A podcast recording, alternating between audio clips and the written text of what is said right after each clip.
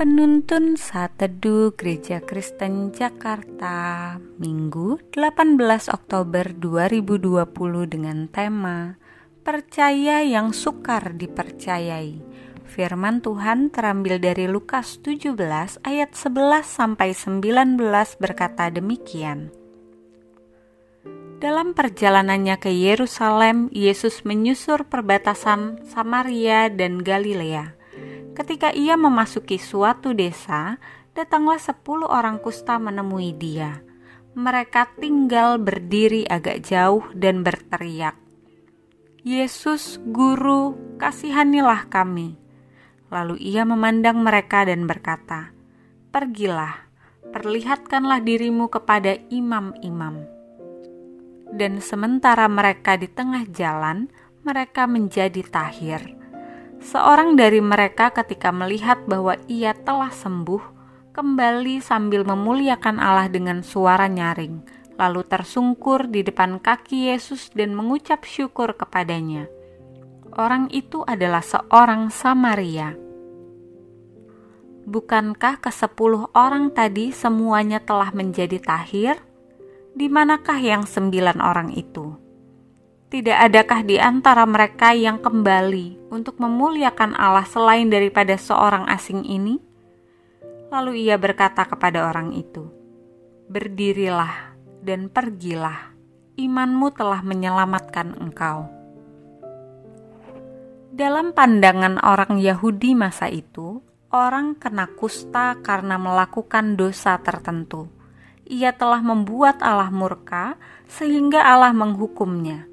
Sakit kusta sukar disembuhkan. Penderitaannya harus dikucilkan dari komunitas.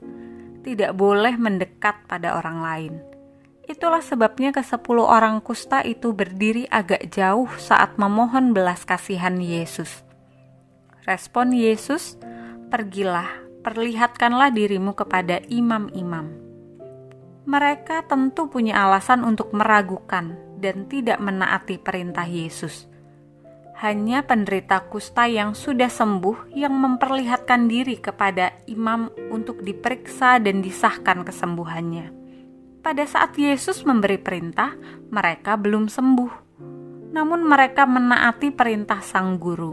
Mereka melangkah sambil mempercayai yang kelihatannya sukar dipercayai saat itu dan hasilnya, sementara mereka di tengah jalan, mereka menjadi tahir. Mengambil langkah iman lebih dalam, salah satu dari sepuluh orang kusta yang sudah sembuh itu segera kembali kepada Yesus. Baginya, itu jauh lebih penting daripada persetujuan para imam atas kesembuhannya. Ia ingin memuliakan Allah terlebih dahulu sebelum mengecap berkatnya. Ada banyak janji penyertaan, keberhasilan, berkat, dan kesembuhan dari Tuhan yang bisa kita temukan dalam Alkitab. Namun, terkadang kita terjebak dalam situasi yang amat sukar untuk mempercayainya, bukan? Mungkin karena kondisi rasanya begitu amat berat, sepertinya tidak mungkin ada jalan keluar. Semua pintu terkunci rapat, jalan buntu. Kita sudah putus asa namun, jika hari ini Tuhan meminta saudara tetap setia melakukan suatu hal yang baru, dan Tuhan berjanji menyertai dan membuat berhasil, apakah saudara memiliki sikap percaya dan taat seperti orang kusta yang disembuhkan itu? Mereka belum sembuh saat itu, namun mereka melangkah dengan taat dan percaya.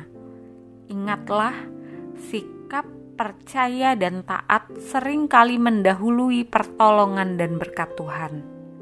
Melalui perenungan pada hari ini kita belajar, mereka yang percaya dan taat akan mengalami pertolongan Tuhan pada waktunya.